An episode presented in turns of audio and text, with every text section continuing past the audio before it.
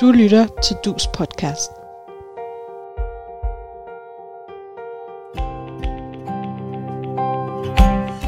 man slår på demonstranter? Må man nægte folk at stemme? Må man sige til en flygtning, at hun godt kan blive hjemme? Må man brænde gode bøger og nægte folk at tale? Må man spærre gamle inde, blot fordi de er lidt gale?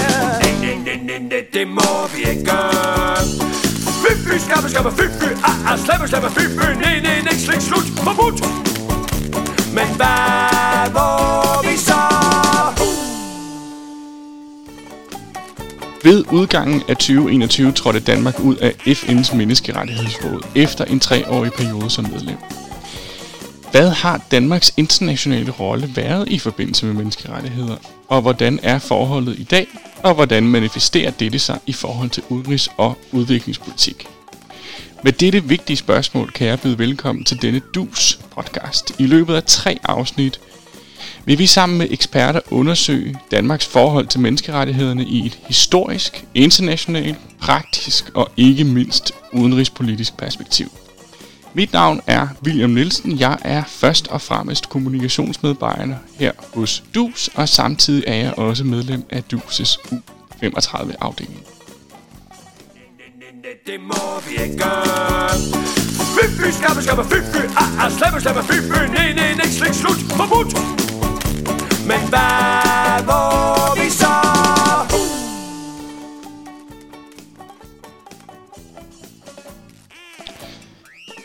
I dette andet afsnit skal vi snakke om Danmarks historiske, udenrigspolitiske og diplomatiske arbejde med menneskerettigheder. Det her er blandt andet i en udenrigsministeriel og i en FN-kontekst. Til at hjælpe os med det har vi i dag Tyge Lehmann. Tyge, du har en lang og begivenhedsrig karriere som blandt andet ambassadør bag dig, hvor du har arbejdet med menneskerettigheder i mere end 40 år hos Udenrigsministeriet og har deltaget i omkring 25 FN-generalforsamlinger og en stribevis af FN-konferencer. Så mange tak, fordi du vil være med her i dag. Ty, til at starte med, bare sådan for at åbne lidt op om det her emne, så kunne jeg godt tænke mig at, at, at spørge dig, hvorfor arbejder man overhovedet internationalt øh, og, og udenrigsministerielt med menneskerettigheder, og øh, hvorfor er det vigtigt? Ja, men tak for introduktionen. Jeg vil da måske ikke lige bekræfte, at jeg har gennem 43 år arbejdet i udenrigstjenesten, indtil jeg stoppede i 2007. Men jeg vil godt måske her indledningsvis også sige, at øh, inden vi går i gang med at snakke lidt om, hvordan vi så øh, stiller os internationalt til spørgsmål om beskyttelsen af menneskerettigheden, så skal man måske lige minde om, at hele kampen for menneskerettighederne starter i de enkelte stater. Det er der, man forsøger at skabe en, øh, en ramme for øh, de grundrettigheder, som borgeren øh, øh, gerne, eller som man gerne vil, vil øh, øh tildele borgerne. Og det er jo de klassiske rettigheder om ytringsfrihed, foreningsfrihed, forsamlingsfrihed, øh, ret til en retfærdig rettergang og øh, respekt for privatlivets fred og familiens øh, øh, liv og så videre. Øh, det, det, det, den kamp, den blev så ført mod enevældige styre, der øh, var præget af kongen af Guds nåde. Vi alene vide, hvad der er til folkets bedste. Så det med en demokratisk, øh, skal vi sige, øh, retsstats øh, program, så var, bliver der et opgør der, som vi kender det fra franske revolution i 1789, øh, hvor man øh, jo proklamerede en, en øh, erklæring om borger- og menneskerettigheder. Og vi har det, hvad lige vil sige, mere beskeden omfang måske med, med den danske grundlov af 5. juni 1849, hvor der også er indbygget de centrale frihedsrettigheder. Der kan jeg jo lige indskyde her, jeg kan ikke lade være med lige at indskyde, at Danmark har også sådan lidt brystet sig af, at øh, vi er helt tilbage fra 1241 med vedtagelsen af Jyske Lov, derfor knæsat et retsprincip, nemlig med lov skal land bygges. Magten skal ikke udøves vilkårligt af en enevoldsfyrste, men hvile øh, på lovens grund. Og den sætning er jo også mejslet ind i portalen over øh, domsbygningen på Nytorv i København. Med land skal man lovbygge. Og det øh, er et, et øh, centralt princip, lighed for loven og uafhængig domstol til at sikre, at loven bliver overholdt og opfyldt til fordel for borgerne. Men så øh, kommer selvfølgelig spørgsmålet om det internationale beskyttelse. Hvorfor, eller kan man tænke sig, at i et land, hvor så dette øh, retssystem bryder sammen, og borgerne bliver undertrykt, at det internationale samfund kan komme til undsætning og, og bidrage med at, hvad skal man sige, få menneskerettighedssituationen på ret køl igen. Er, er, er det en mulighed? Og udgangspunktet er nej, det, det ses ikke at være en mulighed, fordi øh, staterne i den grad er koncentreret om øh, deres suverænitet, og ingen skal blande sig i deres anlæggende, og det skal de nok øh, selv klare. Men der blev grobund for at skabe en international beskyttelse af menneskerettighederne, når man så på redslerne fra 2. verdenskrig og de massive overgreb på civilbefolkningen. Det førte jo, som vi ved, til dannelsen af de forenede nationer, FN, som øh, i øh, oktober, 24. oktober øh, 1945. Og øh, den øh, øh FN-pakten det er en traktat, der er bindende for alle øh, organisationens øh, medlemsstater, oprindeligt 51, i dag 193. Men øh, i den FN-pagt øh, har man jo blandt andet formuleret situationen som følgende, på følgende måde. Vi, de forenede nationers folk, er besluttet på at frelse kommende generationer fra krigens svøbe som to gange i vores levetid har bragt usigelige lidelser over menneskeheden. Og vi ønsker at bekræfte troen på fundamentale menneskerettigheder, på menneskets personlige værdighed og værd, og på mænds og kvinders lige rettigheder. Og formålet, blandt formålene med FN-pakken øh, siges det allerede i artikel 1, at et af formålene er at styrke og fremme respekten for menneskerettigheder og for fundamentale frihedsrettigheder for alle uden forskel med hensyn til race, køn, sprog eller religion. Så det er jo altså, kan man roligt sige, meget klare udtalelser, men det fortæller selvfølgelig helt klart, hvad det er for nogle menneskerettigheder, vi taler om her. Øh, det er den generelle formulering, og generalforsamlingen besluttede øh, meget tidligt at nedsætte et særligt udvalg, der skulle prøve at udmynde denne her generelle bestemmelse i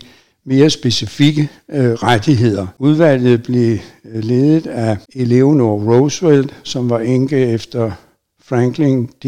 Roosevelt, præsident for USA, som var død der i april 1945, lige før krigens afslutning i Europa. Hun øh, ledte de der forhandlinger, og i udvalget sad fra dansk side ambassadør Bodil Betrup. Så på det ligestillingsmæssige område var der ingen problemer med udvalgets sammensætning. Og det udvalg nåede så i løbet af to år øh, frem til vedtagelsen i FN's generalforsamling af verdenserklæringen om menneskerettigheder 10. december 1948. Og i den erklæring, der har vi jo så specifikt fået fortalt, hvad det er for rettigheder, vi taler om, når vi taler om menneskerettigheder. Der er to sæt af rettigheder, de klassiske borgerlige og politiske, og det er dem, jeg nævnte før, ytringsforeningsfrihed, forsamlingsfrihed, personlig sikkerhed, familielivet, respekt for familieliv og regionsfrihed. Det er sådan det område, hvor staten skal holde nallerne væk fra, fra borgerne. Borgerne har en slags rådighedsfære, som staten ikke skal gribe ind overfor. Men det andet sæt af rettigheder, det er de økonomiske, sociale og kulturelle rettigheder. De er egentlig inspireret af den russiske revolution fra 1917, hvor slagordene var brød og arbejde og frihed. Og det handler netop om retten til arbejde, retten til uddannelse, retten til sundhed og til deltagelse i kulturlivet.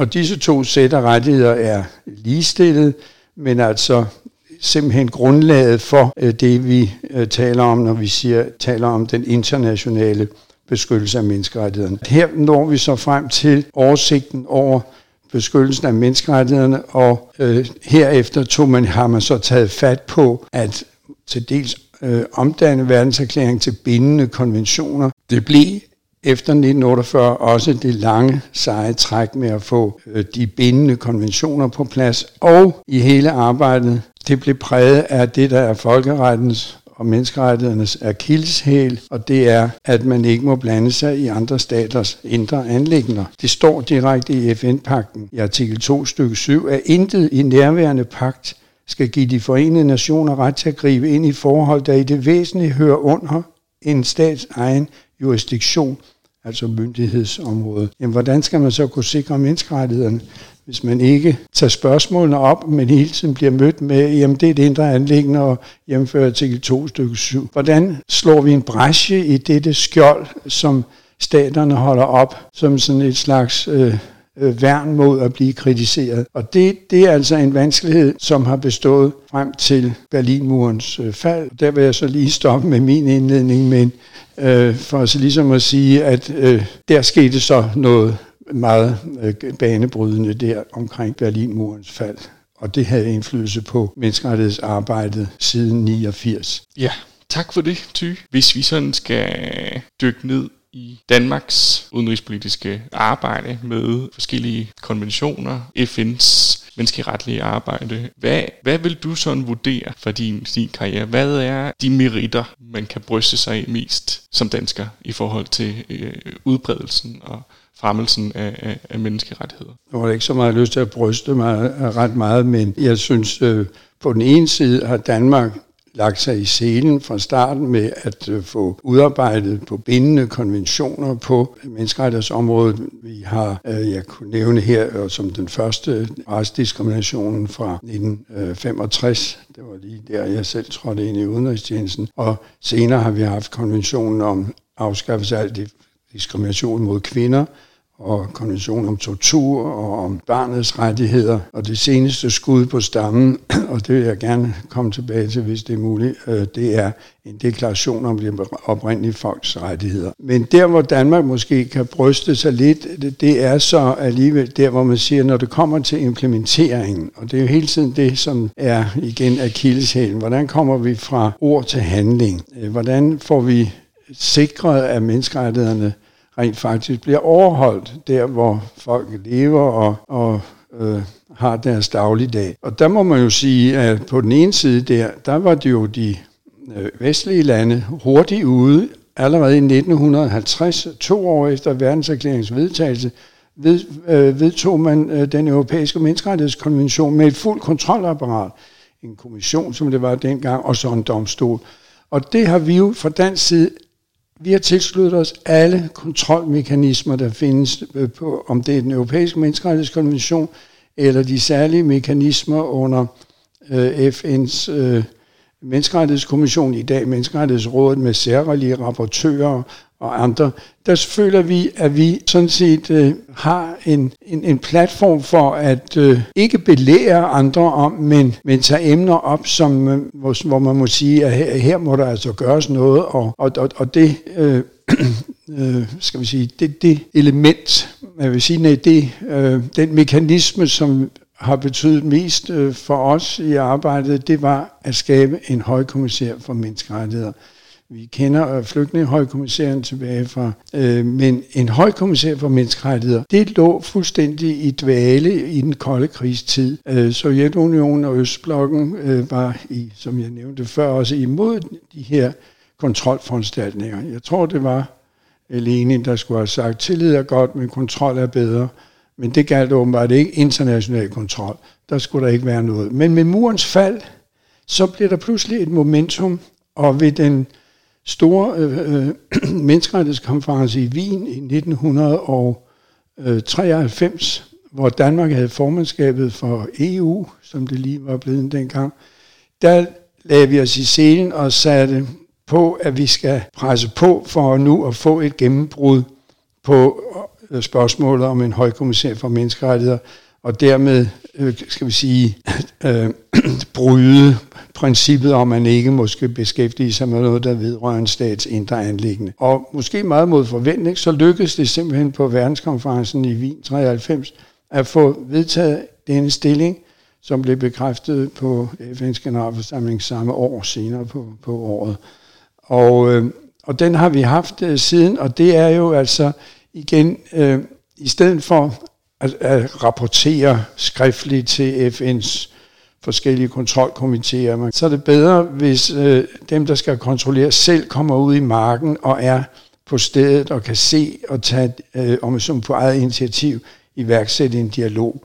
Og det er just det, som højkommissærembedet øh, muliggør, og det, det vil jeg så sige, ja, det, det, det synes jeg virkelig var lidt af et gennembrud. Og på samme konference i 93 fik vi også øh, sat ind, hvad jeg synes var altså virkelig et gennembrud mod artikel 2 stykke 7 om forbeholdet for indre anlægner, at det, hvis det blev sagt, at øh, det er en legitim opgave for det internationale samfund at øh, beskæftige sig med at fremme øh, respekten for menneskerettighederne.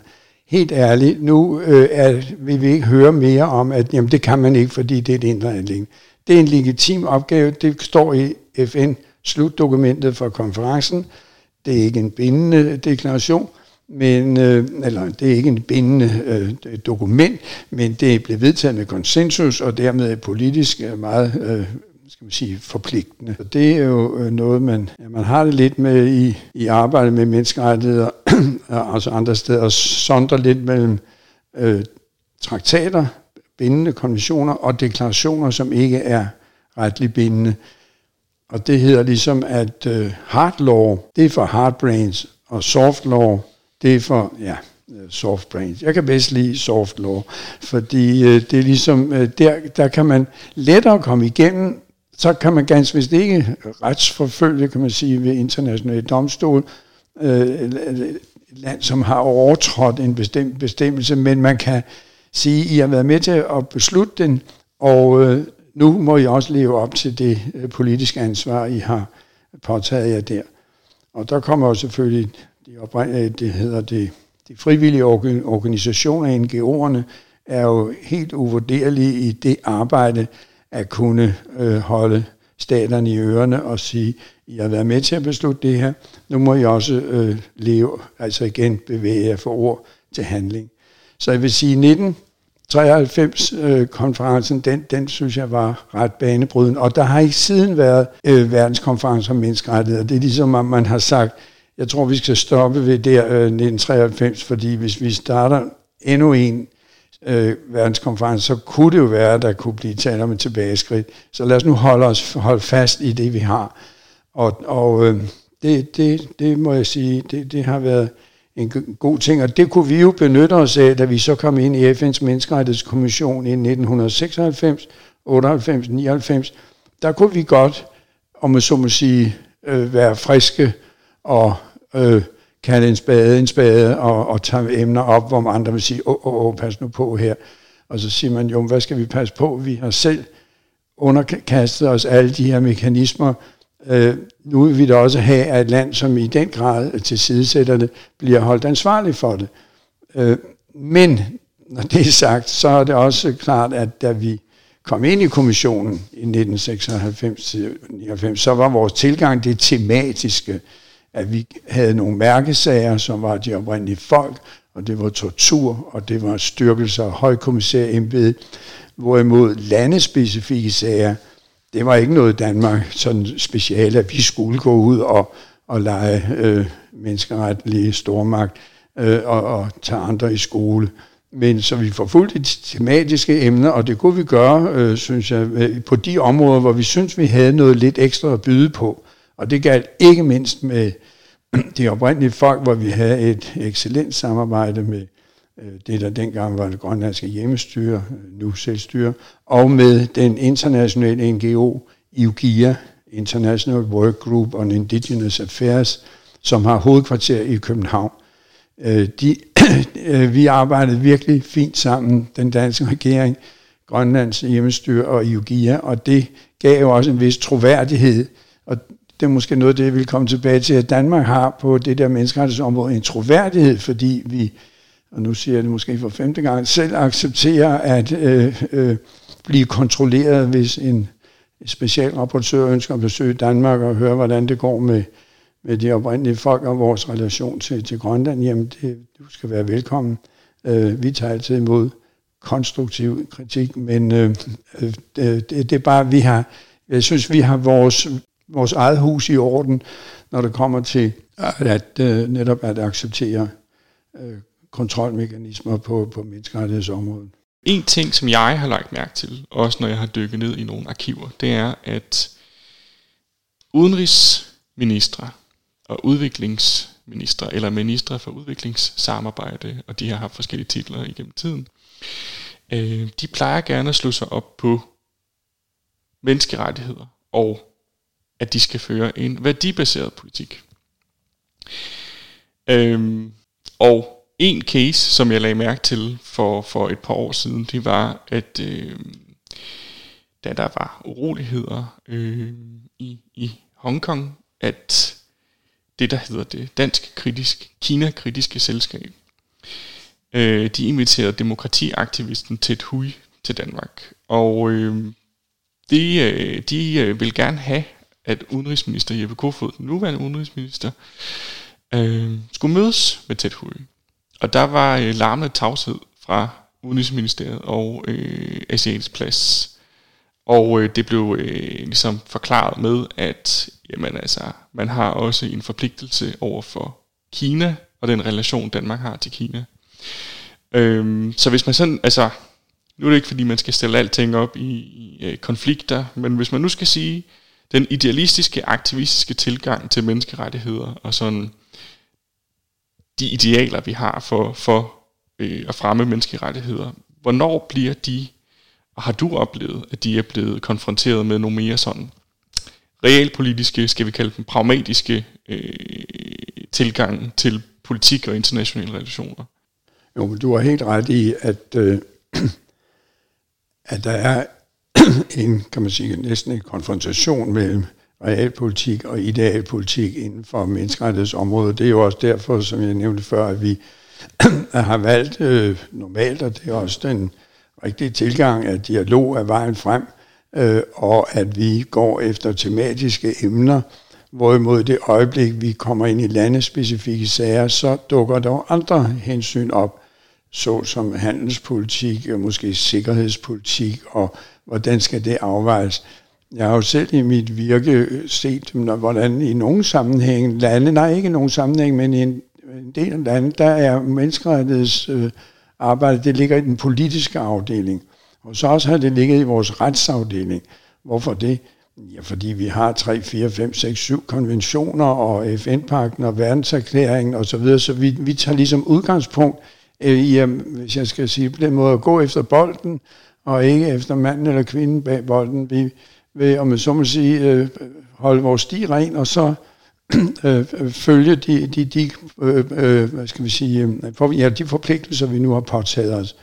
Men der kan også komme en situation, som vi blandt andet øh, havde det i øh, Menneskerettighedskommissionen i, i april øh, 1997, hvor øh, EU-landene plejede at lægge en resolution frem om menneskerettighedssituationen i Kina. Og det var så formandskabet, der gjorde det, og det kom der som regel aldrig noget ud af, fordi kineserne havde sådan et, et trick, proceduretrik, der gik ud på, at man ikke skulle stemme om resolutionen, men man skulle stemme om, hvorvidt det var en god idé at stemme om resolutionen. Sådan en motion of no action. Vi skal ikke tage action på det her. Og vi var jo dernede, og pludselig øh, to uger før vi egentlig skulle øh, gå i gang med det arbejde, så sprang Frankrig fra. Og de ønskede ikke at være med, og ergo kunne der ikke lægges en EU-resolution frem. De skulle have besøg af den øh, kinesiske præsident, og det var noget med underskrivning af store kontrakter om Airbus. Og så var de ikke med. Og så var gode råd dyre, fordi hvem ville så fremlægge? Det ville være øh, ordentligt øh, altså pinligt, hvis hvis man sådan, fordi et land øh, er trådt tilbage, så kunne der ikke blive en, en diskussion om menneskerettighedssituationen i Kina. Og vi var i, der i under dagsordens punkt 10 i Menneskerettighedskommissionen, question of the violation of human rights and fundamental freedoms in any part of the world. Altså hvis man i under en, en øh, en dagsordenspunkt, der handler om krænkelser af menneskerettigheder øh, overalt i verden, ikke kan tage en landssituation op, så, så, øh, så, så stopper det jo her. Ikke? Så, øh, men hvem skulle gøre det? Når nu det ikke kunne blive øh, EU, det hollandske formandskab, de, de sagde jo, det, det, vi kan jo ikke fremlægge det, så ser det ud som om det er EU. Så, så gik man sådan raden rundt, og alle havde øh, gode argumenter for helst ikke at træde frem. Og britterne, de var lige i gang med Hongkong i 1997, og, og så ender pilen hos Danmark, jamen Danmark, altså Danmark, vi, ingen kan beskylde Danmark for at have skjult agendaer. Danmark, det er sådan lidt af en, af en duksedreng på det her menneskerettighedsområde, som kunne I ikke være søde at gøre det. Og det gjorde vi så, øh, men sådan at øh, medforslagsstillerkredsen, som normalt havde, øh, altså Frankrig og Tyskland og Spanien og Italien og så videre, øh, og Kanada, de faldt fra. De var ikke så glade for at være medforslagstillere, det er fordi nu var det begyndt at blive politisk sårbart, og ind kom i stedet for Liechtenstein og Luxembourg og, og, og øh, andre, men der også de nordiske lande. Øh, og så lagde vi resolutionen øh, øh frem, eller skrev ind, og det var, skal vi sige, det centrale i den var jo ikke at svine Kina til, det var jo at anerkende, at Kina gør en stor indsats på det økonomiske sociale område, men der også var mange rapporter i, i Menneskerettighedskommissionen, der øh, påpegede altså øh, øh, vanskeligheder på på ytringsfrihedsområdet, for at sige det øh, vildt, og på om, omkring torturspørgsmål og, og retfærdig rettergang. Og derfor vil man altså øh, bare opfordre Kina til, og det var jo sådan ligesom det centrale, at at gøre måske en større indsats for at overholde de her grundlæggende menneskerettigheder i en dialog med højkommissæren. Og så vi kunne jo netop så højkommissæren ind og sige, at det er højkommissæren, vi gerne vil have, går i dialog med kineserne, vi andre gør det jo, hvorfor kan I ikke invitere højkommissæren, eller han eller hun, øh, hvem det nu var på det tidspunkt, kunne selv komme. Nå, men det var resolutionens indhold, og til den kunne øh, kineserne bare sige, at den, den var helt uacceptabel, og øh, de ville fremlægge deres motion of no action. Vi kan ikke tage action på sådan en, en, en, en grim resolution.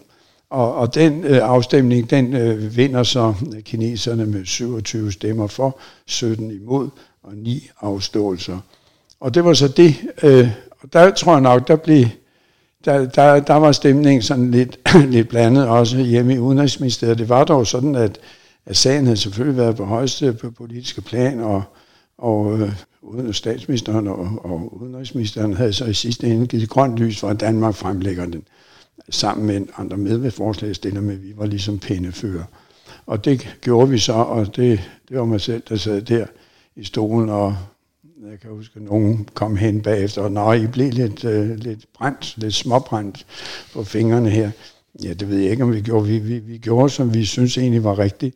Men vi blev ikke dårlige. Øh, egentlig, der kom ikke noget, noget stort øh, konfrontation mellem Danmark og Kina. Og senere hen i 2002, tværtimod, jeg vil sige, at den, den resolution førte faktisk til, at at kineserne sagde, jamen, så lad os nu genoptage dialogen med EU.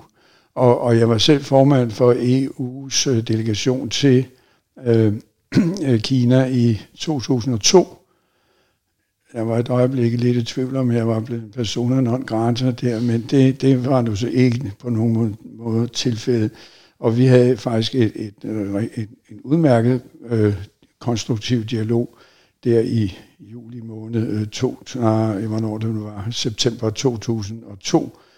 Og øh, vi fik også kineserne på det møde til at acceptere at få besøg af en af kommissionen, Menneskerettighedskommissionens specialrapportører, og på uddannelse på de lavere uddannelsestrin.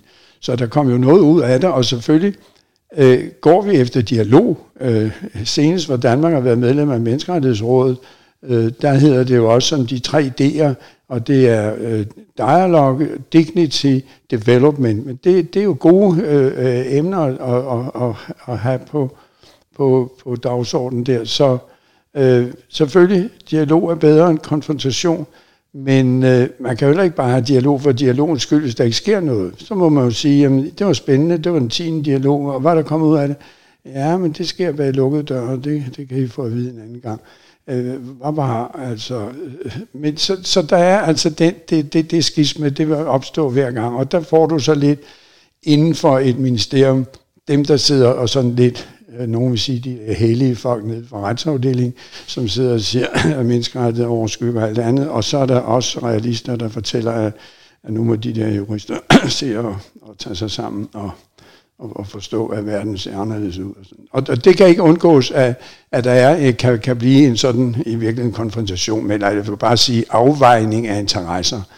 Og det, øh, ja, det, det bliver det, men altså, det ønsker man jo ikke øh, at gøre til sit, sit øh, felt, at vi skal ud og slå så mange lande i hovedet som muligt. Tværtimod, vi skal ud og prøve at se, hvordan går det med ligestillingen, hvordan går det med ytringsfriheden, hvordan går det med, kan vi få afskaffet tortur overalt i verden, no more torture, og, og hvad ved jeg. Det, det, og, og så særligt den der mærkesag med de oprindelige folk, som jeg selv har deltaget i sidste 10 år i mit arbejde i Udenrigsministeriet, handlede i meget, meget høj grad om de oprindelige folks situationer.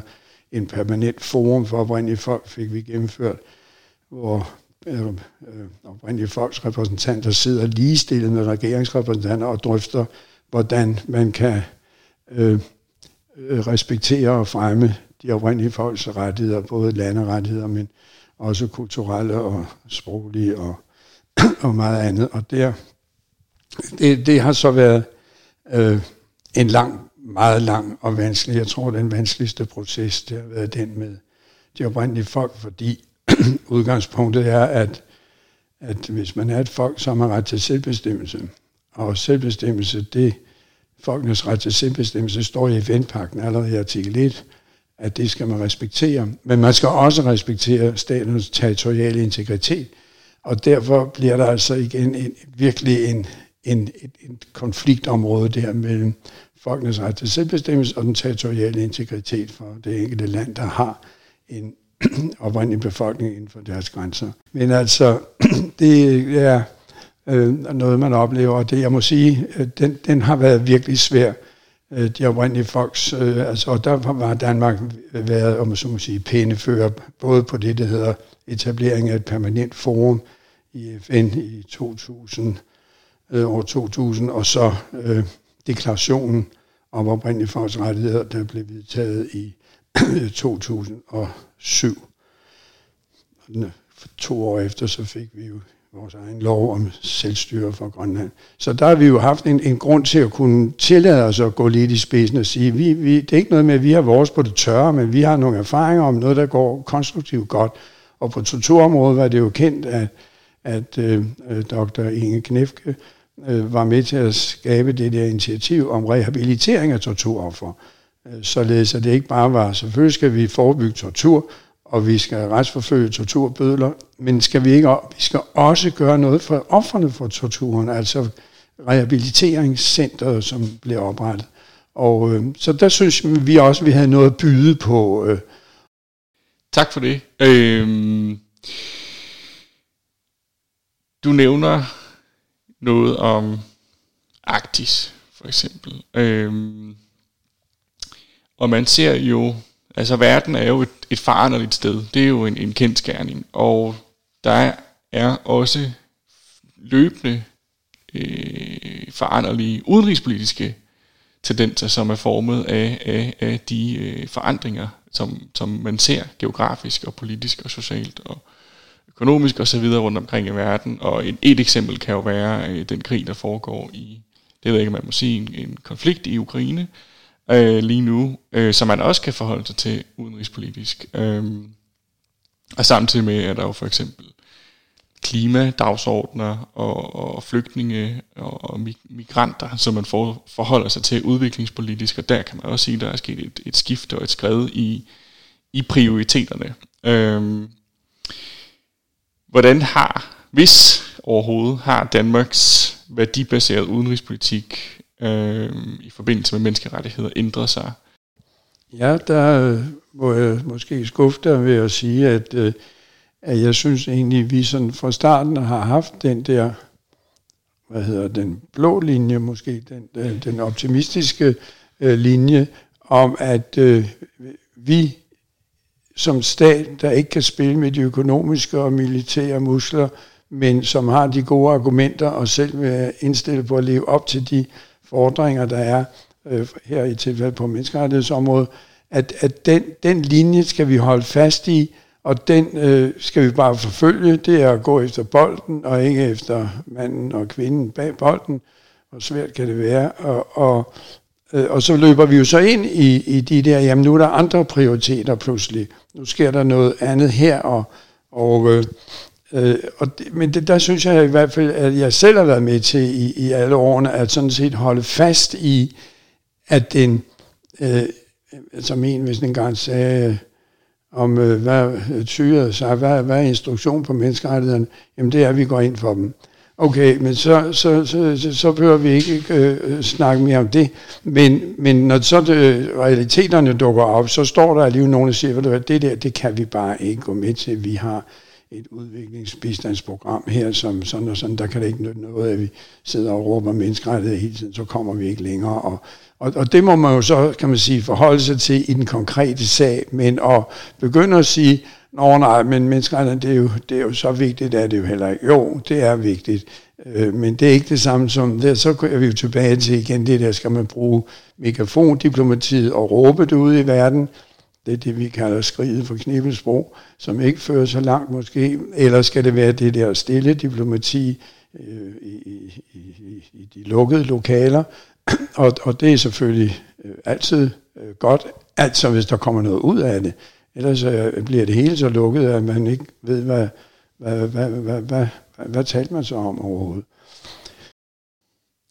Nu tænkte du sådan lidt i, i starten om... Øh din motivation og inspiration i forhold til at, at, at ligesom gå ind i arbejdet med, med menneskerettigheder? Hvad, ja. hvad, hvad har du sådan fokuseret på igennem din karriere? Har der været noget, der har været mere vigtigt end andre? Noget, der har trådt mere frem i forhold til menneskerettigheder? Jamen, der er vi jo så lidt tilbage igen med øh, fra ord til handling, from law to action, at vi har alle ordene, vi har alle de skønne ord, fra FN-pakten og verdenserklæringen, og hvordan omsætter vi det i, i praksis. Og der, er, øh, der har jeg så, kan man sige, eller, eller vi i Udenrigsministeriet arbejder inden for FN, der er det oppe fra om at få emnerne op på lystavlen, og så arbejde på det øh, øvre plan, men i fuld erkendelse af, at det egentlige arbejde skal komme ned fra bunden, hvor NGO'erne, øh, civilsamfundet, øh, yder den helt store indsats.